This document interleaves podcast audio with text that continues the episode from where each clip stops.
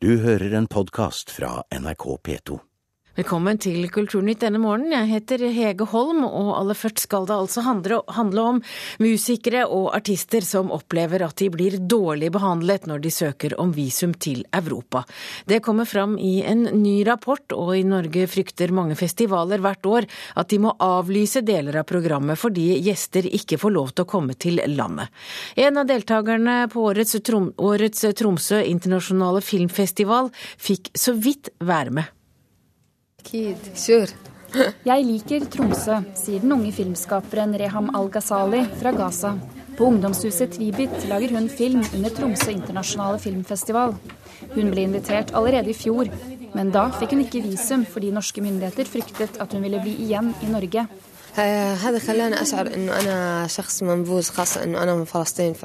Det fikk meg til å føle meg avvist, særlig fordi det allerede er vanskelig for palestinere å reise, sier Al-Ghazali.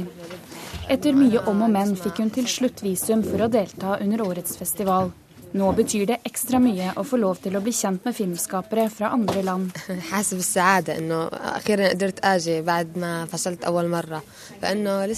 En ny rapport viser at visumproblemene gjelder hele Europa. Organisasjonen On the Move, som jobber for å fremme kultur over landegrensene, har spurt 88 kulturarbeidere fra land utenfor EØS om deres erfaringer med å søke visum til Europa. Mange melder om et ublidt møte med ambassadene, det er lange ventetider og dyre avgifter. Noen føler seg også ydmyket av mistroiske myndigheter. 2000 kunstnere gjennom ti år. Velkommen til Mella. Plakaten til musikkfestivalen Mela i Oslo viser artister fra hele verden.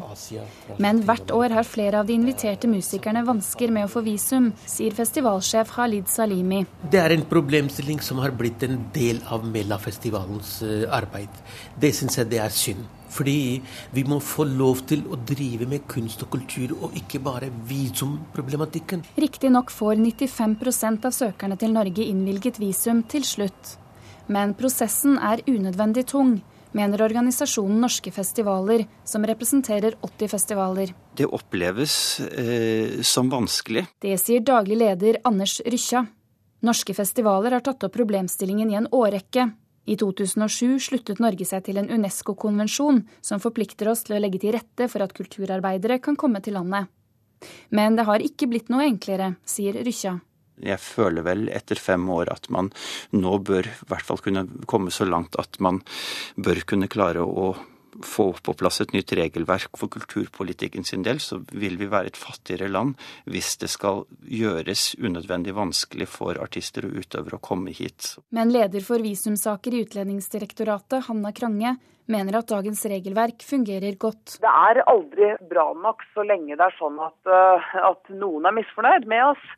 Eh, men eh, tallene våre viser jo helt klart at, eh, at de aller, aller fleste vil være fornøyd, fordi sakene behandles på veldig kort tid, og de, de aller fleste sakene innvilges. Hvis vi blir gjort oppmerksom på at det er noe som haster spesielt mye, så vil vi alltid prioritere uh, saker for at potensielle søkere skal få komme til, uh, til Norge, så de rekker de arrangementene de, de ønsker å komme, komme inn på. Og reporter her var Ida Kvittingen. 22 professorer ber regjeringen om å stoppe den planlagte skulpturparken i Ekebergskogen i Oslo. Oppropet er skrevet i dagens VG. Oslo bystyre har altså bestemt at investor Christian Ringnes får bygge en park med kvinneskulpturer i den sentrumsnære Ekebergåsen. Blant professorene som mener at parken ødelegger et unikt natur- og friluftsområde, er Thomas Hylland Eriksen, Dago Hessen og Nina Witoszek. Kon-Tiki-stjernen Pål Sverre Valheim Hagen og Aksel Hennie skal spille i den nye norske storfilmen om birkebeinerne. Det skriver VG i dag. Filmen om de to barskingene som fraktet to år gamle sønnesønnen til kong Sverre, Håkon Håkonsson, over fjellet fra Østerdalen til Gudbrandsdalen i 1206, starter innspillingen allerede i vinter.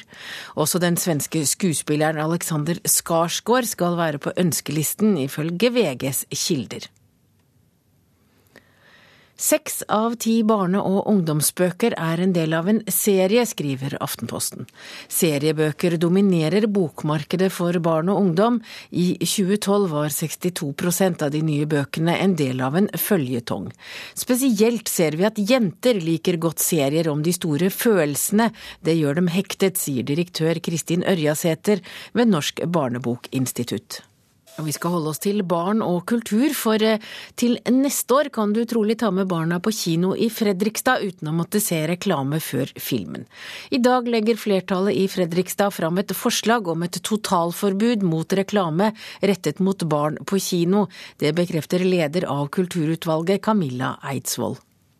Hvis ikke barn, altså da snakker vi om barn eh, ned til liksom syv år, skal få lov til å gå på kino uten å bli bombardert med colareklamer om dårlige isbjørner oppe i Antarktis og whatsoever, da har vi en alvorlig utfordring, etter min mening. I dag er det lov å vise reklame før barnefilmer på kino, men det er ikke lov på norske TV-kanaler, fordi de to dekkes av forskjellige lover.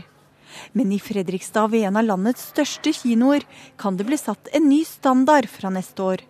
For i dag sier flertallspartiene ja til et totalforbud, bekrefter Eidsvoll. Det er helt klart at disse reklamene som er direkte rettet mot barn, er vanvittig vanskelig for foreldre å forholde seg til.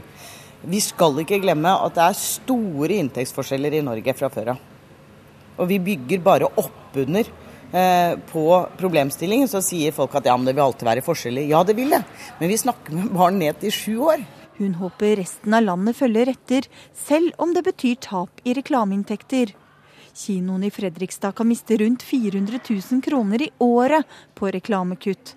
Men den regningen må vi tørre å ta, sier Eidsvoll. Altså Hvis vi alltid skal sette en eh, gevinst og en økonomisk kapitalgevinst på alt hva vi gjør, da taper vi. Da taper menneskeheten fortere enn vi noen gang ville tro var mulig. Og reporter eh, i saken her var Anette Torjussen. I går gikk spekulasjonene høyt. Hva var det som kom til å skje? Hva var det Facebook nå hadde funnet på? Noen trodde kanskje Facebook ville lansere sin egen mobiltelefon, iallfall var det noe stort i gjære. Så da Mark Zuckerberg, Facebooks grunnlegger og sjef, lettet på sløret, var det en ny søketjeneste han ville fortelle om. There are a few pillars of Facebook ecosystem. And one is newsfeed, right? It's you, you show up and you could just see all the stuff that is important that's happening recently with your friends. Another pillar has been timeline, right? Each person um, can share whatever they want with whomever they want on, on Facebook, and your timeline is your place where you can curate everything that you want to show up about you, and it's just everything about you in one place. And graph search is going to be another pillar that's like that.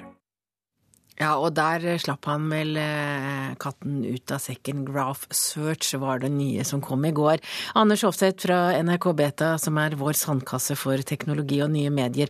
Hva er det som er nytt? Eh, det nye er jo at eh, som Zuckerberg sa, så kan du i newsfeeden så kan du Her er det en mobiltelefon, uh, Hofseth, som Ja. Eh, I newsfeeden så kan du se hva, folk, eh, hva, som skjer med folk rundt deg, eh, og du kan fortelle i, i, i din timeline hva du driver med. Men, men, det nye er jo at det har, vært ganske vanskelig å finne ting i Facebook. Hvis du skal finne ting litt mer sånn ordnet, hva er det, hvor er bildene til alle vennene mine og sånt, så har det vært en veldig tungvint prosess. Sånn at det blir lettere å bruke Facebook. Det er nyheten, for å si det sånn. Men det ble altså ikke noen mobiltelefon. Var det en nedtur for mange? Eh, det var en nedtur for aksjemarkedet. Som, som, eh, så Facebook-aksjen sank litt eh, i, i går etter kunngjøringen. Men den har jo også gått veldig høyt opp de siste ukene pga. at det skulle komme en kunngjøring. Og jeg tror at altså på lang sikt så tror jeg ikke det er en skuffelse for Facebooks brukere eller for Facebook. Men det er jo en sånn ting som er litt vanskelig å forstå hva det kan bli. Ja, og det er jo litt vanskelig å forstå for mange eh, hva det er eh, de kan gjøre med det som skjer på eh, Facebook. Og hvorfor gjør Facebook slike endringer? Er det for å få flere brukere, eller, eller for å gjøre de som er der, mer lojale? De har jo en milliard brukere allerede, det er en del. Sånn at det er nok like mye det å få dem til å fortsette å bruke det. Fordi det, altså, det, grunnen til at Facebook eksisterer, er jo for å selge annonser. Og jo mer man bruker det, jo mer annonser ser man. Og jo mer annonser man ser, jo mer penger kommer det inn. Men nå er det jo litt eh, inn å si at jeg har meldt meg ut av Facebook. Ja, eh, og jeg tror ikke det er sånn i virkeligheten. Eh, I undersøkelsene som vi har tilgang til, så er det fortsatt jevnt Eller altså det er, det har flatet ut, men sånn at det kommer ikke så mange nye brukere i Norge. Men, men bruken, altså sånn folk som er inne ukentlig, er fortsatt mildt stigende. Og så er jo det store spørsmålet personvern. Og det er jo her etter hvert eh, lampene har begynt å lyse. Folk lurer på hva er det egentlig jeg legger ut, hvem er det som får se det, og hvor mye av mitt privatliv er kjent for hvem. Eh, når det gjelder den nye søkemotoren, hvordan er personvernet tatt vare på? Eh, de bedyrer jo at alt vil skje innenfor de begrensningene man har satt.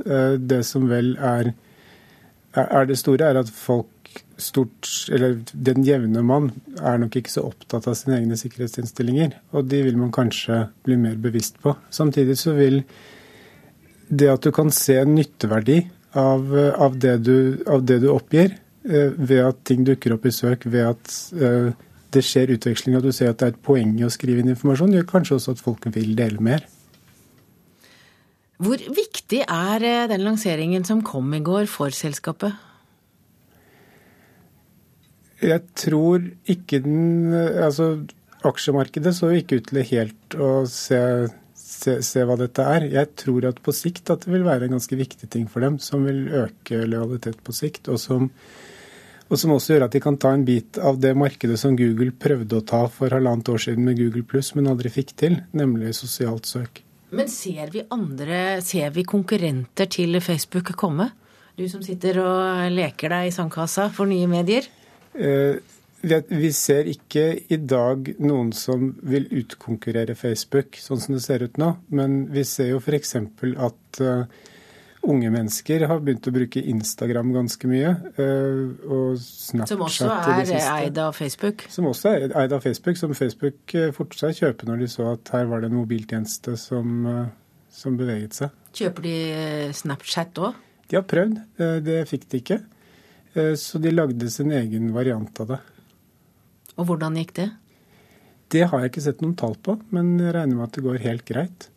Men hva er avgjørende for at Facebook skal holde den posisjonen de har eh, i framtida?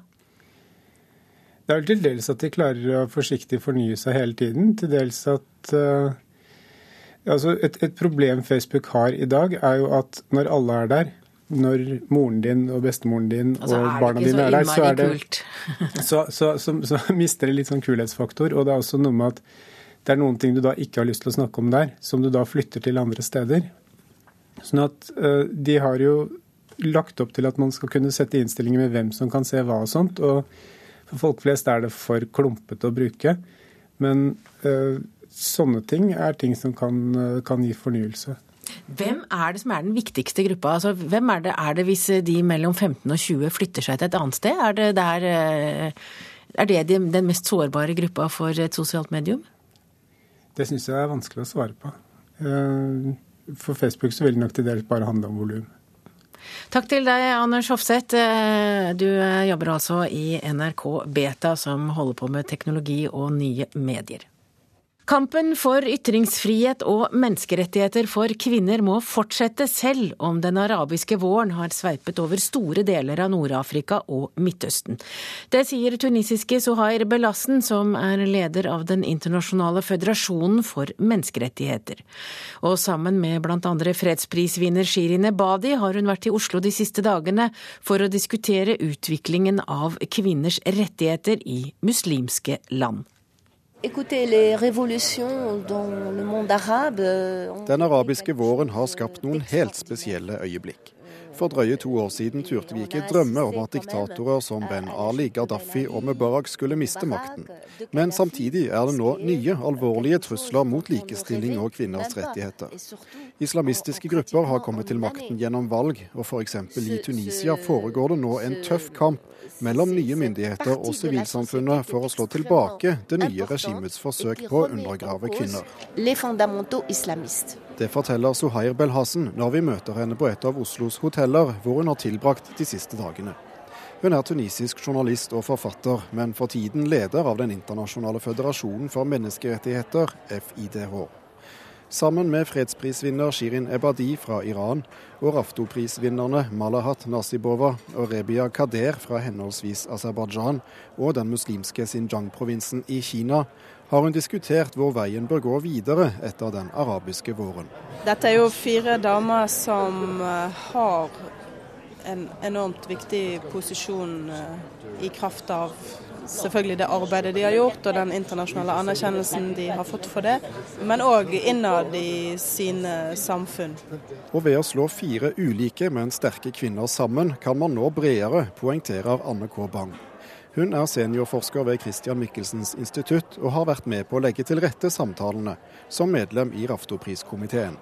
For Kvinners rettigheter er egentlig essensielt for demokratiet. Hvis kvinner ikke har en egen person, f.eks. For i form av statsborgerlige rettigheter, så er det vanskelig å se for seg en reell demokratisk utvikling. Og slik er ikke utviklingen i Iran, kunne Shirin Ebadi fortelle under et åpent seminar på Nobels fredssenter i går kveld, som avsluttet samtalene. I Iran er situasjonen gått fra ille til verre. F.eks. sier en ny lov at alle kvinner under 40 må ha tillatelse fra sin far for å kunne skaffe seg pass. Og det skjer i et land der den kriminelle og seksuelle lavalder for kvinner er ni år. Det betyr at kvinner ikke er frie før de blir 40 år gamle. Denne loven forteller tydelig hva myndighetene tenker om kvinner, sa Ebadi. Til sommeren er det presidentvalg i Iran, men hun tror ikke det vil forandre noen ting. Likevel har hun håp. Hun sier iranerne kjemper en stille og fredelig kamp, for de vet at snart en dag vil de seire. Ja, reporter var Thomas Alvarstein Ove. For mange norske lesere er Mikael Niemi ennå mannen bak suksessromanen Populærmusikk fra Vittula.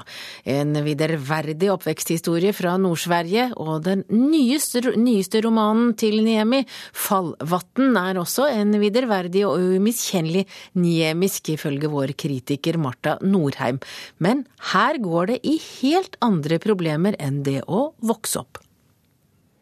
Niemi har et spesielt blikk for de pussige, sære sidene ved folk.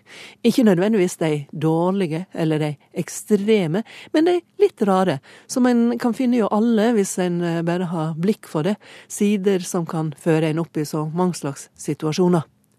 I romanen Fallvann følger forfatteren et kollektiv som i tillegg til visse sider har én ting felles de blir brått råka av det utenkelige, og det utenkelige er dødelig. Hva gjør folk da? Det utenkelige er en tsunami som blir skapt når ei demning brest en regnfull høst ved Luleå i Nord-Sverige. Tsunamier ligger like langt utenfor forventningshorisonten til folk i Luleå som jo folk andre steder i Skandinavia, vil jeg tro. Så eh, Niemis vesle gruppe av utvalgte driver med sitt, og det virker djupt menneskelig, men pinlig smått, sett opp mot katastrofen. Ei er på vei for å skjelle ut eksmannen som har ødelagt peonene hennes. Ei sitter under en paraply og måler akvareller og tenker poetiske tanker om vatnet. En arbeider på dammen har akkurat nådd å bli rasende på to bydamer som undersøker demninga, og som ikke tar seg tid til å ta en kopp kaffe med han. Og ikke minst, en helikopterpilot gir seg klar til å avslutte livet mot en fjellvegg etter at dama har gått fra han. Ja, det er forresten hun med peonene. Hva gjør en sjølmorder når han brått er i livsfare? Han eh, gjør hva han kan for å berge livet, som alle andre. Niemis utvalgte må fatte dimensjonene og deretter handle raskt. De må bruke fantasien og fysikken. For noen handler det om å gå over lik, for andre gjelder det å berge de som er i nærleiken.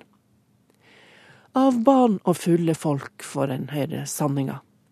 Studier av folk i livsfare syner fram sanninga om menneskenaturen rå og uforstilt.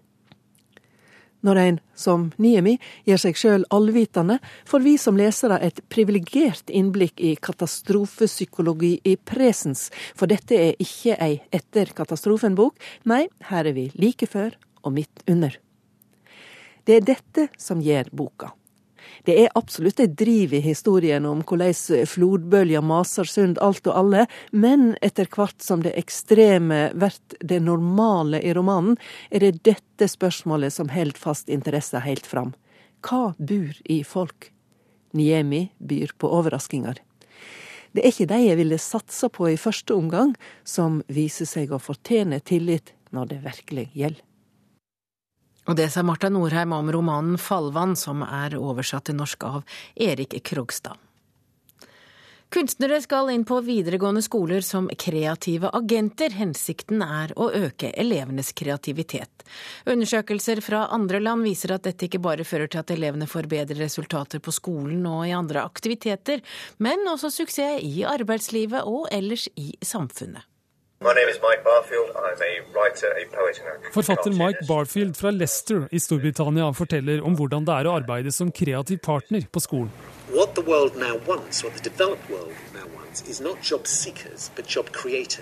Den britiske prisbelønte modellen Creative Partnerships er forsøkt i ti år på 6000 skoler i flere land, med hell. På skoler der de har hatt høyt fravær, elever som har problemer med lesing og skriving, mye bråk nå vil fylkeskultursjef i Oppland Roger Johansen innføre den britiske modellen også i Norge, og ha kunstnere som kreative agenter i de videregående skolene i Oppland. Å utvikle barn og unges kreative evner det kommer også til å øke selvtilliten, og det kommer til å øke håp og evner og livsmuligheter.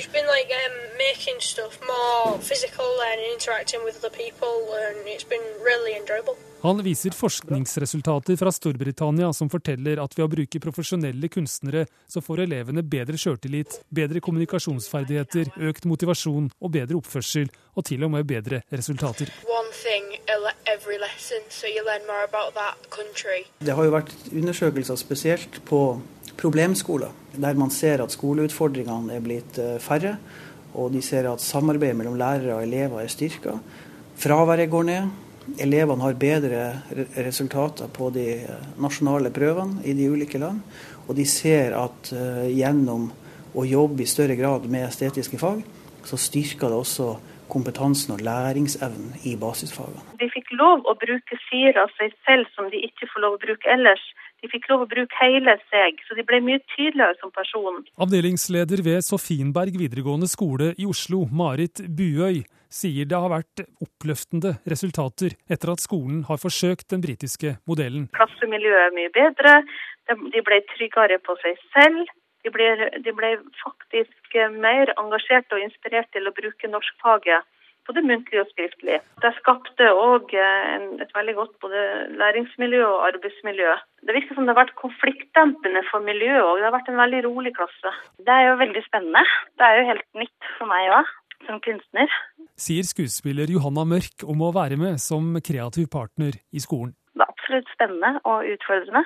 Tror du det har noe for seg? Ja, jeg tror det. På sikt. Jeg tror ikke sant? Dette er jo et pilotprosjekt. Det er en del ting som skal forskes i og utvikles. Men jeg tror absolutt at det har noe, har noe for seg. I Oppland har de forsøkt noe lignende i grunnskolen. Nå satser de også på videregående. I første omgang som et prøveprosjekt for fem videregående skoler i Oppland fra høsten av. Skolene kan søke fylkeskommunen om penger til å leie inn kunstnere til å løse en utfordring.